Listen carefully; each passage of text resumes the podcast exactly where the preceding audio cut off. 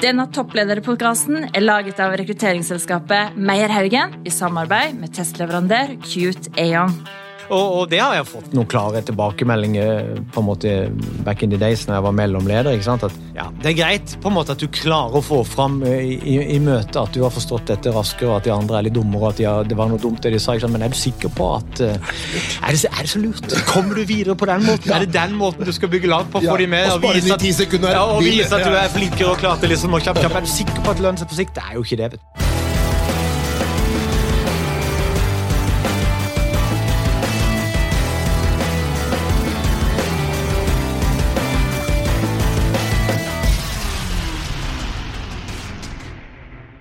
Ja, Sverre.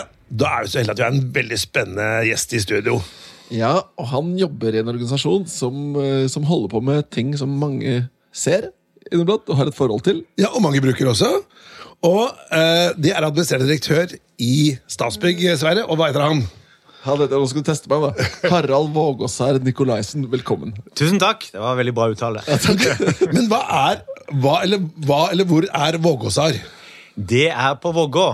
Ja. Ja, Vågåsar oh. er en gård som ligger rett ved siden av Flåklypa. Hvis du kjører forbi Flåklypa, som jo er et ekte sted, ja. så kommer du til Vågåsar, og så litt lenger oppe kommer du til Galdhøpiggen.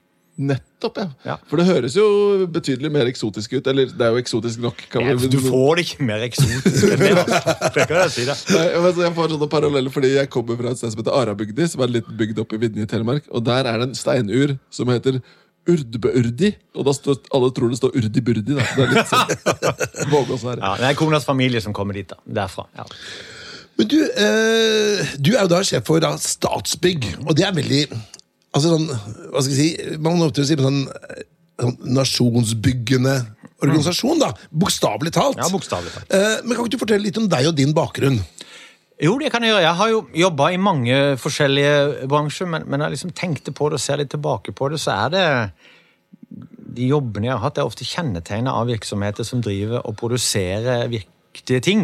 Som bygger det og drifter det. Jeg jobba i oljenæringa i Statoil, jeg jobba i Norsk Hydro i industrien, med jernbane og i NSB. Jeg jobba litt som konsulent også, men nå med i Statsbygg. Så, så det har nok prega de jobbene jeg har hatt at det har vært og har, at det er jobber hvor du eh, produserer noe fysisk. Som betyr noe spor. for folk. ikke sant? Ja, og som setter spor, og som betyr noe som er med på å løse et problem. Ja. Eller produsere noen varer som er viktige for folk. Ja. Det er meningsfylt. Og Hvorfor har det vært viktig for deg? Det er et godt spørsmål, jeg veit ikke. Altså, men eh, jeg merka jo det når jeg studerte, at jeg, var, jeg syntes det var morsomst med de tinga som handla om gjennomføringsevne, organisering, prosjektledelse, strategi, styring. Altså Selv om jeg i utgangspunktet er en maskiningeniør, så er jeg jo ikke en tekniker. Nei. Jeg er på en måte mer en gjennomfører. Ja. Uh, og Det syns jeg fra første arbeidsdag egentlig har vært veldig interessant og motiverende. Og du ser resultatene av det du gjør. Det ja. betyr noe for folk. Det er mange som mener noe om det, da. Uh, på godt og på vondt. Men altså, det er jo at man vil noe, er jo kanskje bedre enn at ikke det skjer noen ting. Ja, ja. Og jeg hadde jo første arbeidsdagen på jobb. Ja, ja. Back in the days, det er lenge siden. Eh, det var en mandag jeg begynte å jobbe i Statoil. Eh, det var den mandagen hvor eh, Sleipner-understellet forsvant den ah. helga, og det var der jeg skulle jobbe.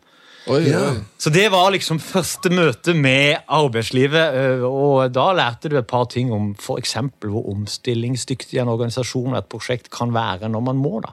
Ja. Og at du ikke skal drive med regnefeil. Ja, det var nok ikke akkurat en regnefeil, vil jeg nå si. da. Men, eh, men, men det, det, med, det med at du, altså, hva som er mulig å få til da, ja, ja. når du driver med den type store ting og har en drive og, har, og vil, vil, ha noe til. da. Ikke sant? Det, vi, skal, vi, skal, gå litt inn i den der reisen der etter hvert, mm. år, som inngangen din inn i ledelse og sånt. Men før vi dykker inn i det, så har vi lyst til å bli litt grann, eh, bedre kjent med deg som person. Så, og da pleier vi å spørre, La oss nå si da, at uh, vi hadde møtt deg på en middag.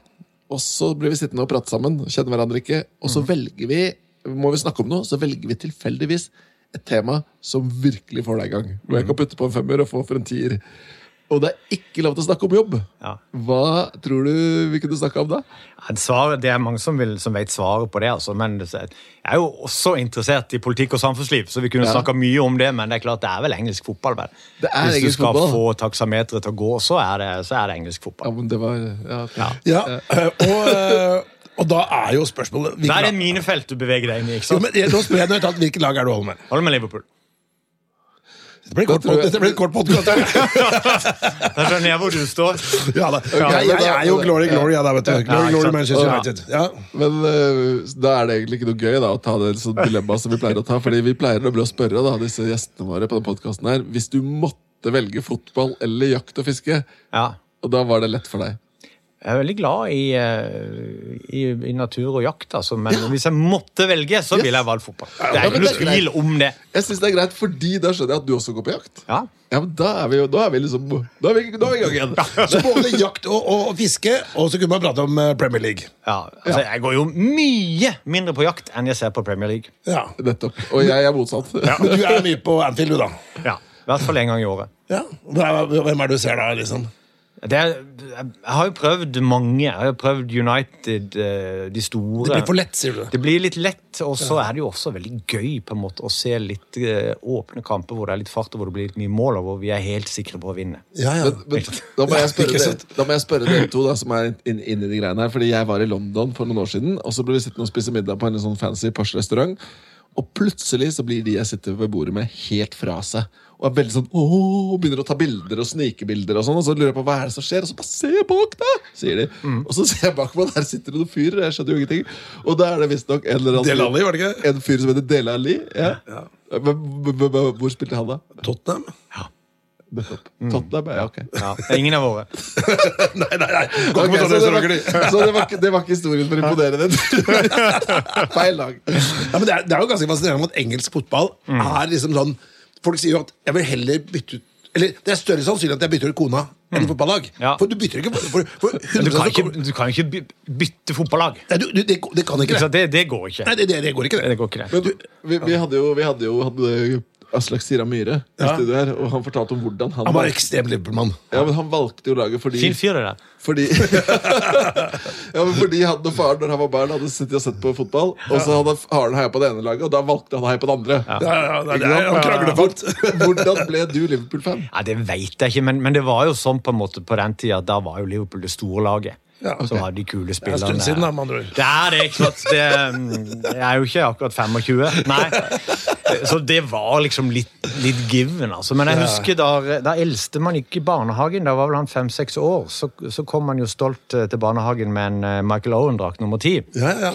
Eh, Var det ganske viktig i United? Nei, det var, Jo. Men han gikk til Real Madrid. Nok. Men han fikk ikke lov til å være med og spille. Nei. Fordi at alle gutta og jentene i barnehagen på den tida var ManU-fan. Ja, ja, ja. Så det er liksom ikke Det kommer an på hvilken epoke du er født i. Men han, eh, neste dag så spurte jeg om vil du ha på noe annet i dag. Nei. Og da fikk han være med. Ja, det er- så det det er kudos til han. ikke sant? Han er fortsatt med på Anfield selv om han nå er 27. Ja, ja, der ser du. der ser du. Ok, Dette kunne vi faktisk prata om en hel dag om uh, engelsk fotball. da. Ja, kunne vi det egentlig. Men vi har da også disse tre kjappe svarene. Yes, Vi har tre kjappe spørsmål som du nå får presentert. Harald, Men du får ikke lov til å svare på det helt ennå. Du skal svare på dem på slutten av samtalen. de skal ligge i bakgrunnen og ødelegge for ja. Ja, ja. Første spørsmål. Hva mener du personlig er den største tabben man kan gjøre som leder eller toppleder? Nummer to. Hvis du, du er jo en erfaren leder. Eh, Hvis du skulle gi et råd til aspirerende ledere eller toppledere, hva skulle det være? De som vil inn i ledelse. Og nummer tre. eh, Så har vi lyst til å høre om du skulle anbefale én bok til lytterne. Og da kan du velge selv om det er skjønnlitterært eller fakta eller hva det skal være. Ålreit? Det er uh, seriemesterskap til Liverpool. Den boka der er en liten kort, kort liten pamplett. The gloves are off!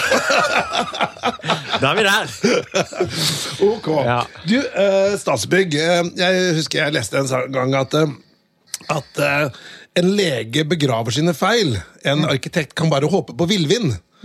Ja, Var ikke den litt morsom? Den var litt morsom. Den var litt morsom. Ja, det var det. Men uh, fortell litt om Statsbygg. da. Hva er det dere driver med? Ute på å bygge for staten, da, sannsynligvis. Ja, vi, eh, vi bygger, altså Visjonen vår er best på bygg med mening. Og med det så, så ligger det at vi har ansvaret for å drifte og vedlikeholde og bygge de bygningene som staten trenger for å produsere sine tjenester til alle borgerne i landet. Da. Altså Bygninger som, har, som er spesialisert og som har viktige funksjoner for samfunnet, og som ikke er et mål i seg sjøl, egentlig, men skal være et virkemiddel for at staten skal kunne tilby gode tjenester til borgere. Det, og det er mange typer tjenester. Det kan være en opera, det kan være et fengsel, det kan være et politihus, ja. det kan være under, spesialisert undervisningsbygg. Så Mm. bredt spekter, men sånn primært den type bygg som det sivile samfunnet trenger, men som er så spesialisert at det ikke er noe velfungerende marked for det. Ja, for, for det, er, det, er ikke, for det er liksom one of a kind. Så du får ikke noen stordriftsfordeler med det. Det er, det er egentlig ikke business i å bygge det. Er det sånn å forstå? Ja, altså det er ikke noe, det, er ikke noe mark, det er ikke noen andre som trenger de byggene. Så det er ikke noe reelt marked for det, ikke sant, for Nei. kommersielle aktører. Eh, Det er spesialiserte bygg for, for statens behov, og da velger de fleste, enten det er bedrifter eller offentlige myndigheter, å eie det selv, fordi det er definitivt mest lønnsomt. Så, og, og det, det, er der vi, det er der vi jobber, ikke med altså Back in the days, tidligere, så hadde Statsbygg ansvar for f.eks. kommersielle kontorbygg. Altså arbeidsplasser for vanlige arbeidsplasser for statlige ansatte. Ja, det ble jo skilt ut i Entra, Ja. og på en måte som har vært en kjempesuksess. eh, og på en måte kommersialisert. Og det er klart at de de lokalene kan jo staten leie Ja. i et velfungerende privat marked. Ja. Mens de lokalene vi har ansvar for, ikke de kan man ikke leie, for det er ingen andre som trenger de. Nei, for du har forsvarsbygg, og så har du undervisningsbygg, og så har du helsebygg. Du har en del sånn Ja, Du har en del eh, kommunale, Ja, ja. sant, som Oslo Bygg, som leverer tjenester til Oslo eh, kommune innenfor, på samme måte som vi har Forsvarsbygg, som gjør det, som gjør det for Forsvaret, i militær sektor. Ja. Eh, som, som ikke vi, og som det er sikkert er klokt at ikke vi blander, blander rollene. Ja, ja. Ikke sant, Og så har du sykehusene, som er organisert på en annen måte, og som eier og bygger sine egne bygg. Men hvis vi kaller, hvis vi skal være helt ærlige med oss selv, det er vel dere som har de kule bygga? Sånn operaen Det er ikke noe tvil men det er derfor det er morsomt å jobbe i Statsbygg. Og det er derfor veldig mange trives veldig godt i Statsbygg, og, og vi, vi er attraktive for de som, som brenner for dette. Det er fordi vi har jo de kuleste bygga, og på mange måter av og til også de mest krevende byggene. Så du må liksom være glad i en utfordring. Det er, det er noe annet å dunke opp standard næringsbygg og, og kontorlokaler enn de spesialiserte one-offs som vi driver med. Er, men, mm. Men dere bygger dem jo ikke Eller eh, dere planlegger de, tegner de, prosjekterer de, men så er det en privat entreprenør som Ja da, bygger altså, vi, vi, er en, vi er jo en eier. Ja, ja. Og en Byggherre. byggherre, og en, på en måte som, som en hvilken som helst uh, eiendomsaktør, egentlig. Vi bestiller jo og får andre til å gjøre det. I, altså, i, de, I prosjektene våre så er en sånn 90-95% av verdiskapinga skjer ute i markedet. Så vi er jo en bestiller og en byggherre. Og, For det, Er det ikke sånn i sånne store prosjekter at du liksom ofte har den der treenigheten byggherre, og så har du en rådgivende eller prosjekterende, og så har du en gjennomførende Ja, du har mange, du har mange måter å organisere det på. Øh, Men, men det som er kanskje der hvor det er litt spesielt for oss noen ganger, er at du har en treenighet i forhold til at øh, det er staten som øh, betaler.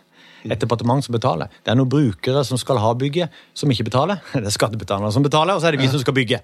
Og det er jo på en måte den som, som kanskje er litt spesielt for oss noen ganger. Det er annerledes F.eks. når du jobber i et industrikonsern som Hydro, hvor den som bestiller bygget, er den samme som betaler bygget. Hvis man vil ha noe mer, så må man ha økte inntekter for å kunne forrente det. Den dialogen og dynamikken er litt annerledes når det er brukere som skal ha noe. Og så er det fellesskapet som skal betale. Og så skal vi bygge og forsøke, så langt vi klarer, å styre eh, brukernes behov og finne ut av hva er det som er godt nok for det brukerne trenger for å produsere sine tjenester, men samtidig ikke for dyrt for skattebetalerne samla sett. Og det er jo i den dynamikken der kan det jo gå en kul og varmt av og til. Ja, kan, kan jeg stille et spørsmål om ledelse Herman Petter, relatert til det her? Kjør på, du. Du er jo topp, toppen av organisasjonen her. Vil du si at det er lett eller vanskelig å lede den organisasjonen? Det er lett å lede Statsbygg på mange måter fordi at vi har veldig flinke og motiverte medarbeidere. Eh, Det er lite hva skal du si, altså det er lite tull og rot internt. Vi har et godt samarbeid med de tillitsvalgte. altså Det på en måte er en sånn slags eh, norsk modell som fungerer veldig bra. Men så er det også sånn at det kan være veldig krevende, fordi at vi står i en del dilemmaer som ikke vi nødvendigvis har full råderett over. Ikke sant? Vanskelig spagat, og hvor vi må ta bøtta når den kommer. Helt uavhengig om det er vår skyld eller andres skyld. Nettopp, ja. ja ikke sant? Og så- men, men det som må være utfordrende, da, det er at sant, naboen vår her er jo nye Nasjonalmuseet. Fantastiske bygg. Men siden du sier at det er one of a kind, så at de private aktørene tar ikke i det. Men det er jo one of a kind for dere også. Ja, det er det. Ikke sant? Og dette er et bygg da som skal stå altså Jeg kommer fra Norges Bank, da, altså, man, som er Lund og Slotto og bygde det på 80-tallet. Eller i hvert fall tegnet på 80-tallet.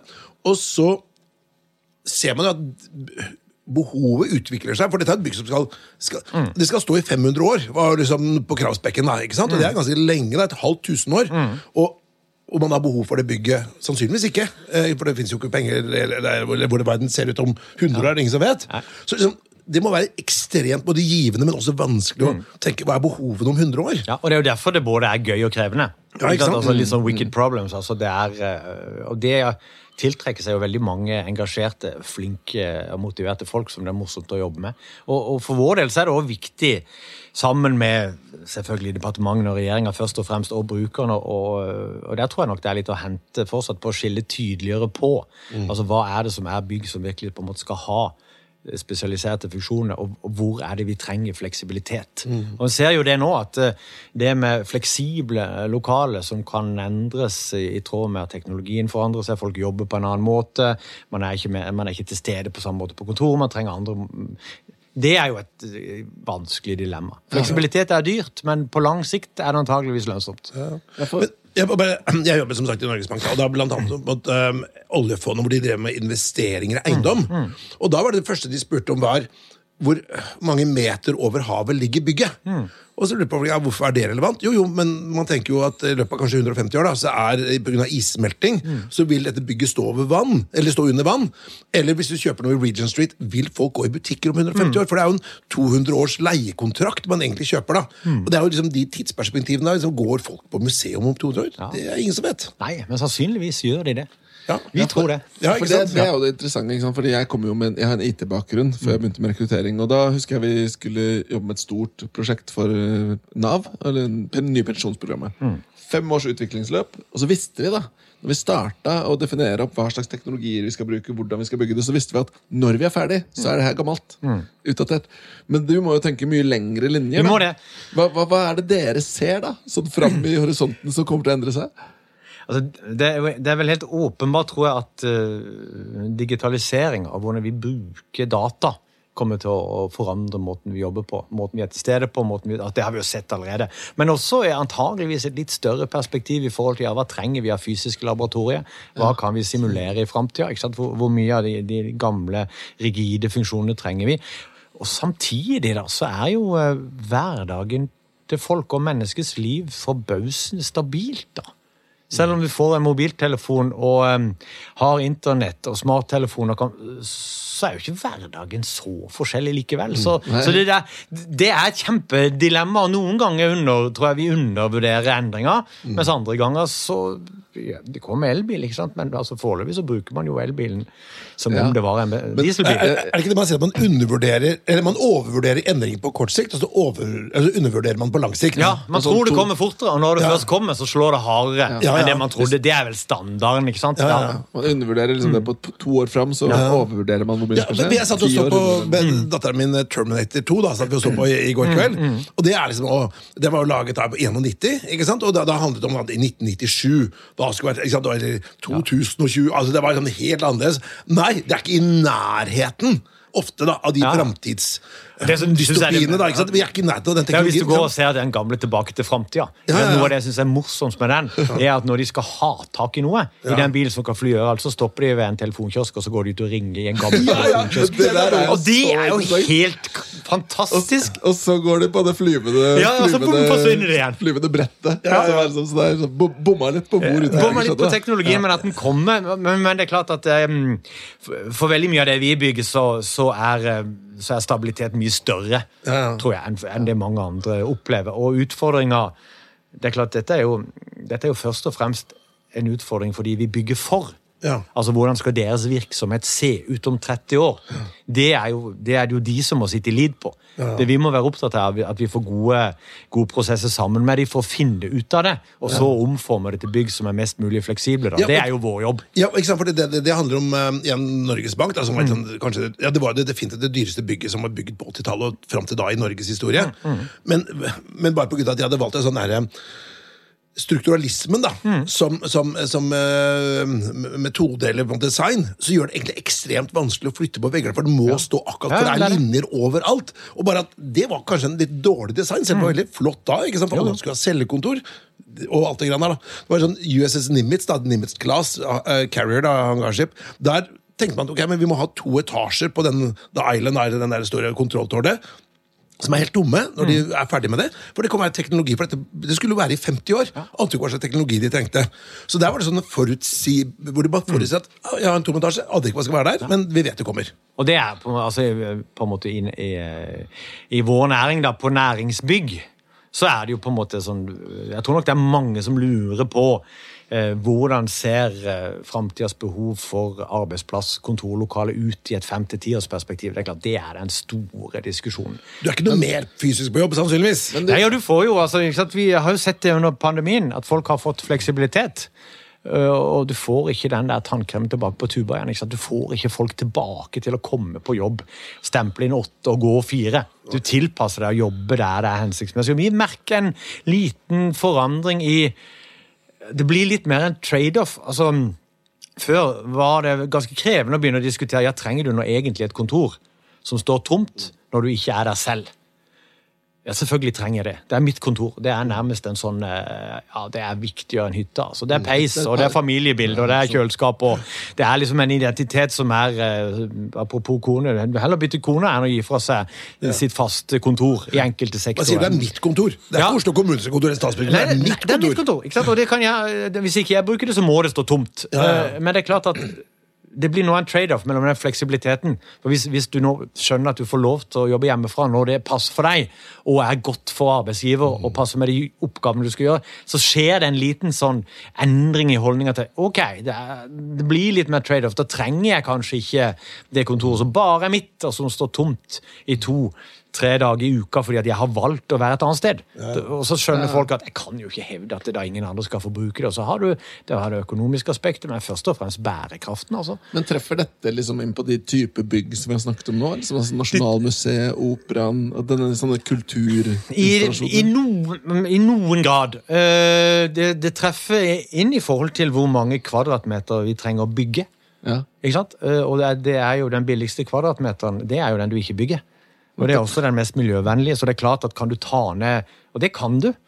Behovet, arealbehovet for arbeidsplasser og den type arealer med 20% så er det ganske mye. Det blir mye penger, og det blir mye Og vedlikehold i tillegg. ikke sant? ja, men også, også bærekraft. altså Bærekraftsperspektiv. Vi skal ha ned klimafotavtrykket, vi skal Mm. kutte utslippene med 55% og det er klart at det, den største bidragsyteren der er jo de materialene vi nå putter inn i bygg som vi ikke trenger å bygge fordi at det står tomt. Ja. Vi vet at eh, i Norge, i hele Europa og i USA, eh, kommersielle lokaler og, offentlige lokaler, så er 50% tomme til enhver tid. Altså, dette var før pandemien, og dette er i arbeidstida. Det er ingen som kan måle høyere belegg på lokalet enn 50 Nei, ikke sant. Og det er ganske oppsiktsvekkende. Da, da må det være lov å stille spørsmål om ikke vi har litt for mye plass. altså. Og det, og det var det samme også, Jeg hørte noen som jobba med, med klasserom, altså undervisningsbygg. da.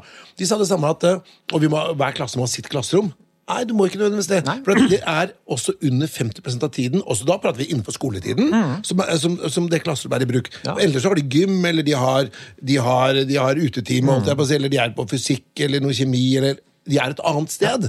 Så, så man må ikke bygge så stort. Nei, man må ikke det. Og helt andre må, digitale muligheter for å finne ut av hvem som er hvor. Hvor er det ledig, hvordan skal du bruke det? Det har med strømforbruk å gjøre, det har med ressursforbruk, mm. bærekraft, økonomi. Så, så her er det mye å hente i vår næring. altså. Og, og veldig spennende problemstillinger. Og så sitter jo du nå i en rolle hvor du faktisk leder dette. Og så er jeg litt nysgjerrig på hvordan endte du opp der?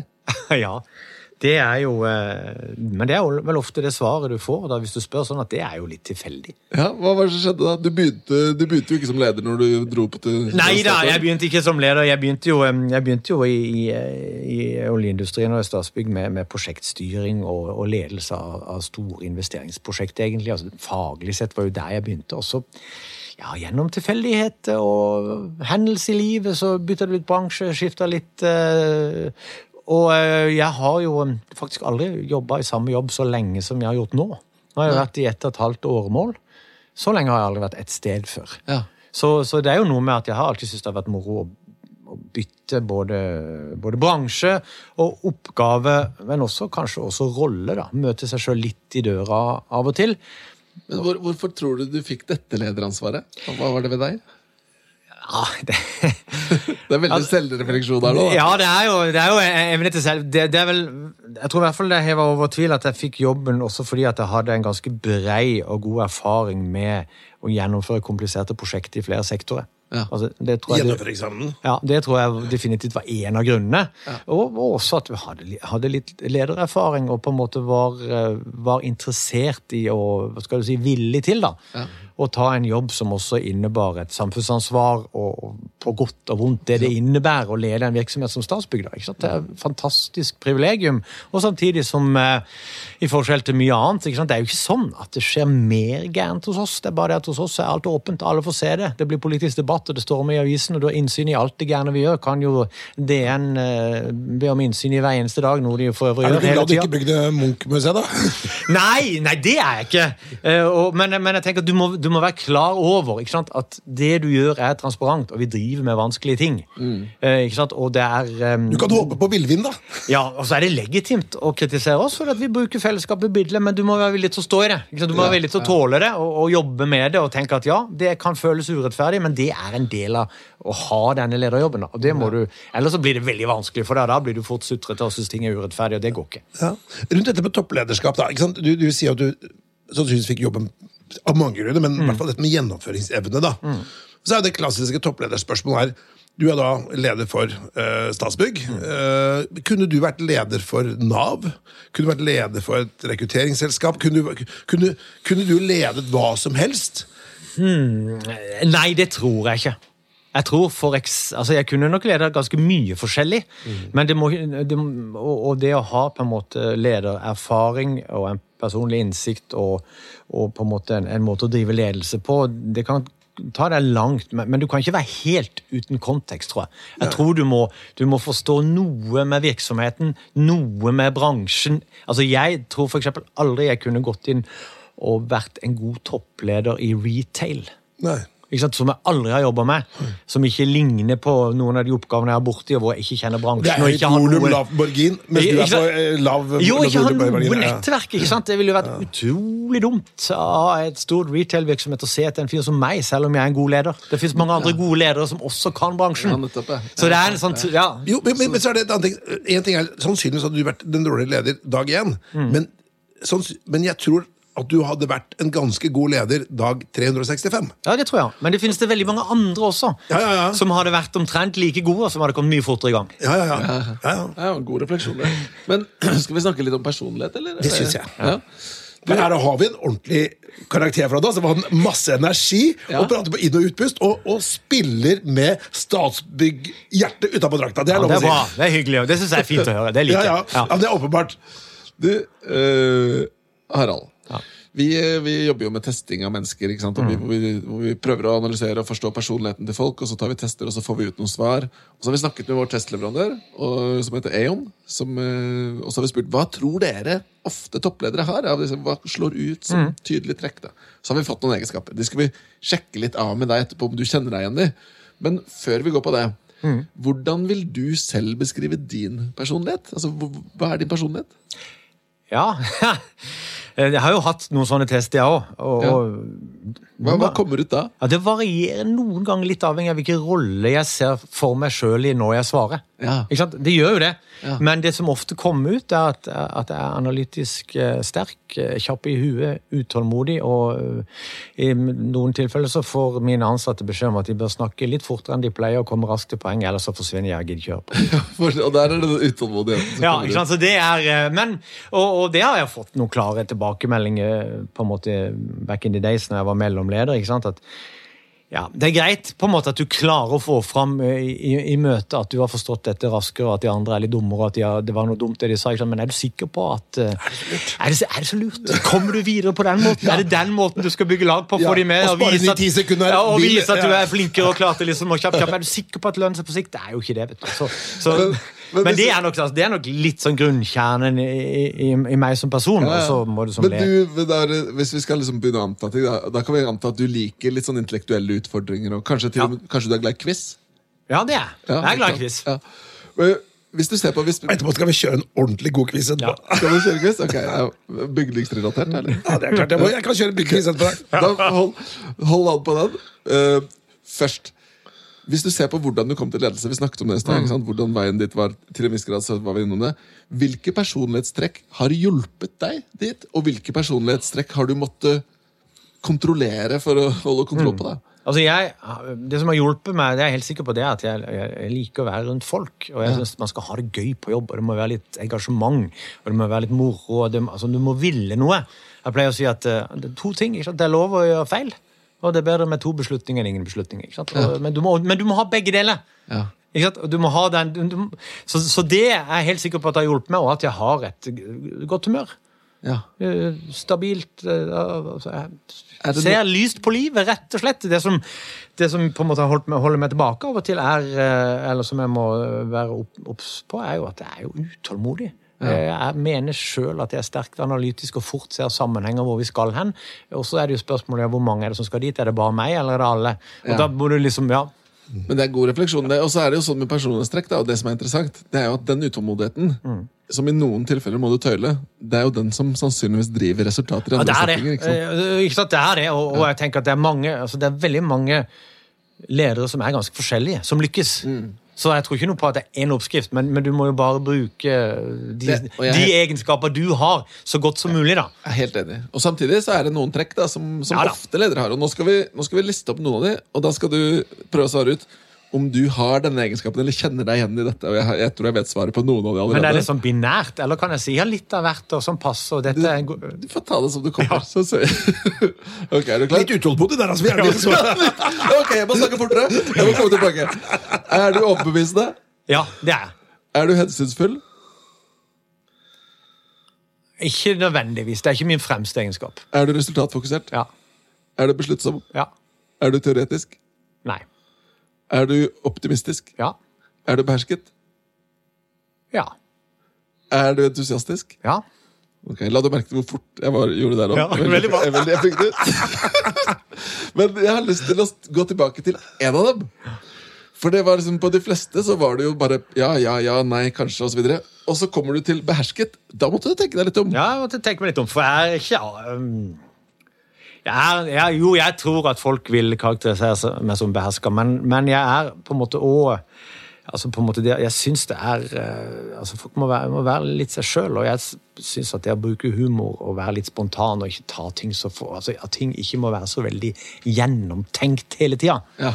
Ikke sant? Altså dette med struktur og Det må være Ja. Ja, Og også det godt nok. Godt nok. Ja? Det er noe med det. Så jeg er, og det er litt sånn på i forhold til teoretisk, og, og jeg, som toppleder så er jeg jo veldig klar over at du må ha ordentlig beslutningsunderlag.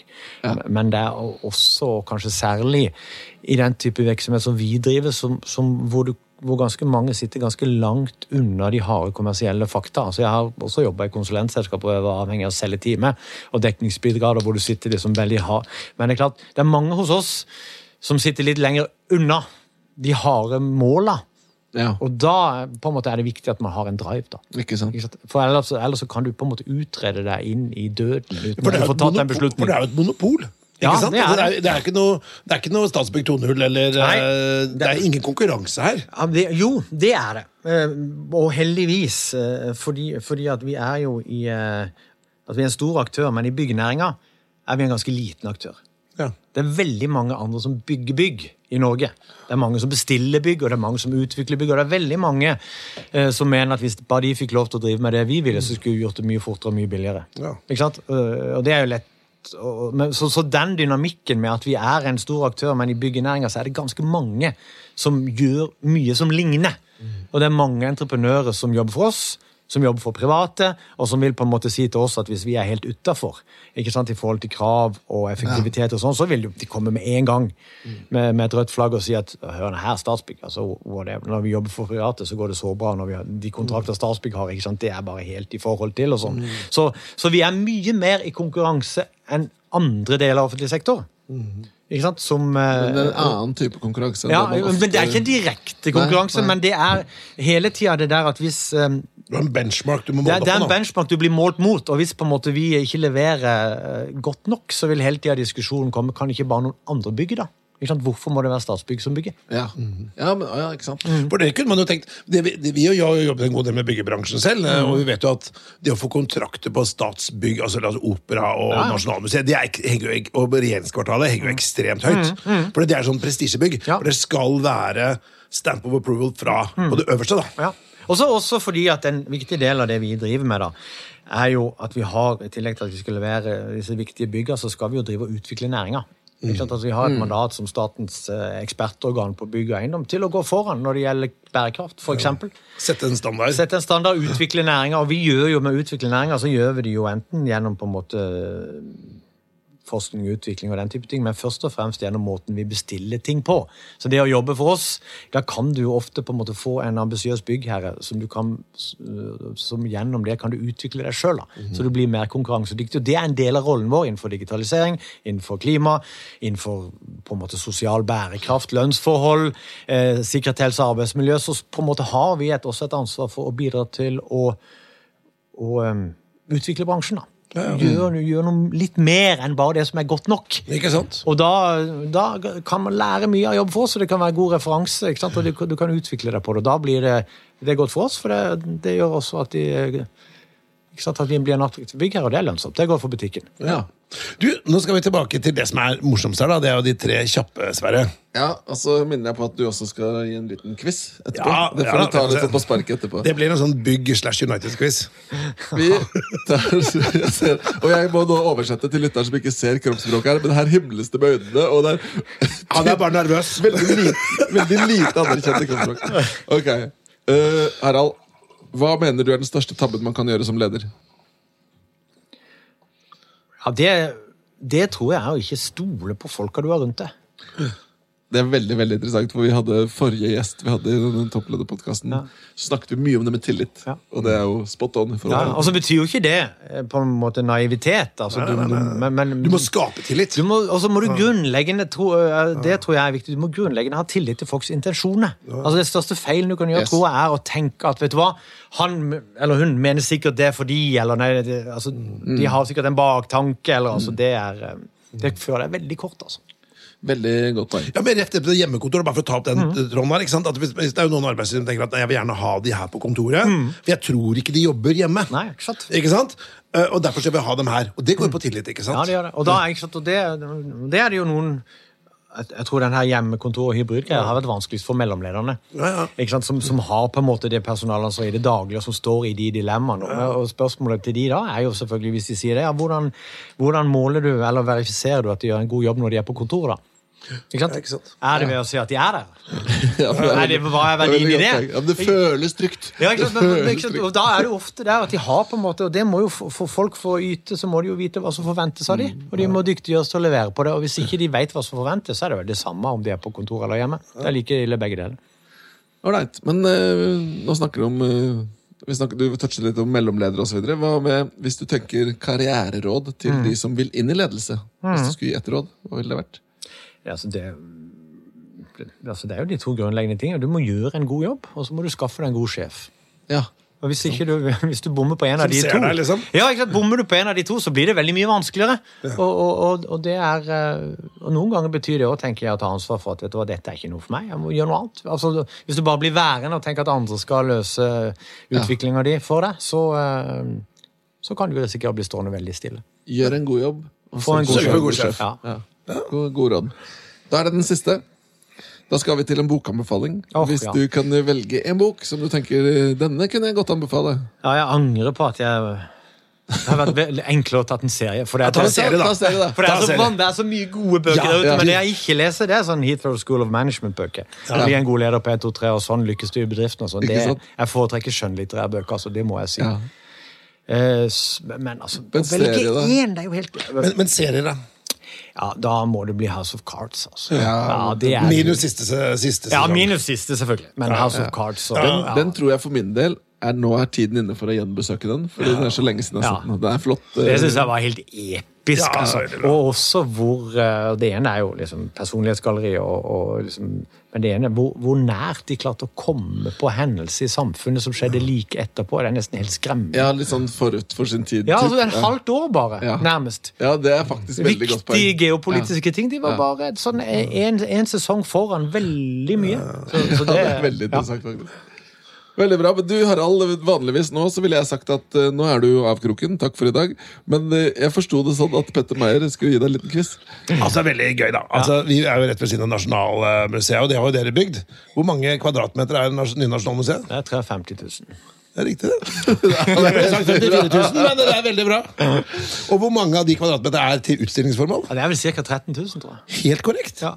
Du, det er veldig bra. Men vent litt nå. vent litt nå 53 000 og 13 000 er til utstilling. Hva fader gjør man med 40 000? som Det er det er magasiner og arbeidsplasser. Verkstedet for, for alle. Det jobber jo veldig mange fagfolk der som driver med bevaring og kuratering. Det er verkstedet, det er publikumsarealet, det er resepsjoner, er kjempestore tekniske bibliotek. Ja, teknisk areal i forhold til all ventilasjon og all kontroll du skal ha på Men jeg, ok, men, jeg, men jeg skjønner hvorfor du spør. Ja. det Sist, siste quizen er ehm, uh, Oslo rådhus og det bygget vi står i nå, er tegnet av samme arkitekt. Hvem er det? Ja, det vet jeg, husker jeg ikke. Det er det Arnstein Arneberg. Arneberg. Han som også tegna Vikingtidsmuseet ute på Bygdøy. Ja, nettopp. Har han tegna dette bygget også? Ja, Arnstein Arneberg, eh, Wilhelmsen-bygget, og så er det Oslo rådhus. Og så der hvor vi var før, jo, i Stortingsgata 12, og så Arnstein Arneberg. Skovgården? Skovgården, ja. ja. Og så er det Ja, Vikingtidsbygget ute på så det var datidens eh, den beste norske arkitekt. Ja, men du, Dette her var veldig veldig imponerende. Men du, eh, jeg må bare si, Harald, så utrolig morsomt å ha deg her. Du, du er, de må være ganske heldige som har deg som sjef. Så mye energi og kunnskap. Herre min, De har åpenbart valgt Vi får håpe de er fornøyd. De De har valgt riktig sjef, da, i hvert fall. Jo, så er det jo, Realiteten er jo at de har jo altså, Nå har jo jeg plukka ut eh, selvfølgelig de som, de som sitter i min ledergruppe, men de har jo også valgt meg. da Og det er jo litt med Sånn er det jo som leder. Ja. Det, det er jo og sånn er det jo som byggherre òg. Det er jo hele tida en sånn slags beauty contest. Ikke sant? Du må få tak i de flinkeste folka. Ja, ikke sant? Det er den eneste det... måten å lykkes på. La oss det være de siste ordene, men tusen hjertelig takk, og lykke til den veldig veldig viktige jobben du gjør for nasjonen Norge. Og ikke minst skittjakt når den tid kommer. Up Reds! Glory, glory, Man United! Har du innspill eller kommentarer til denne podkasten, kan du sende en e-post til toppleder at meierhaugen.no.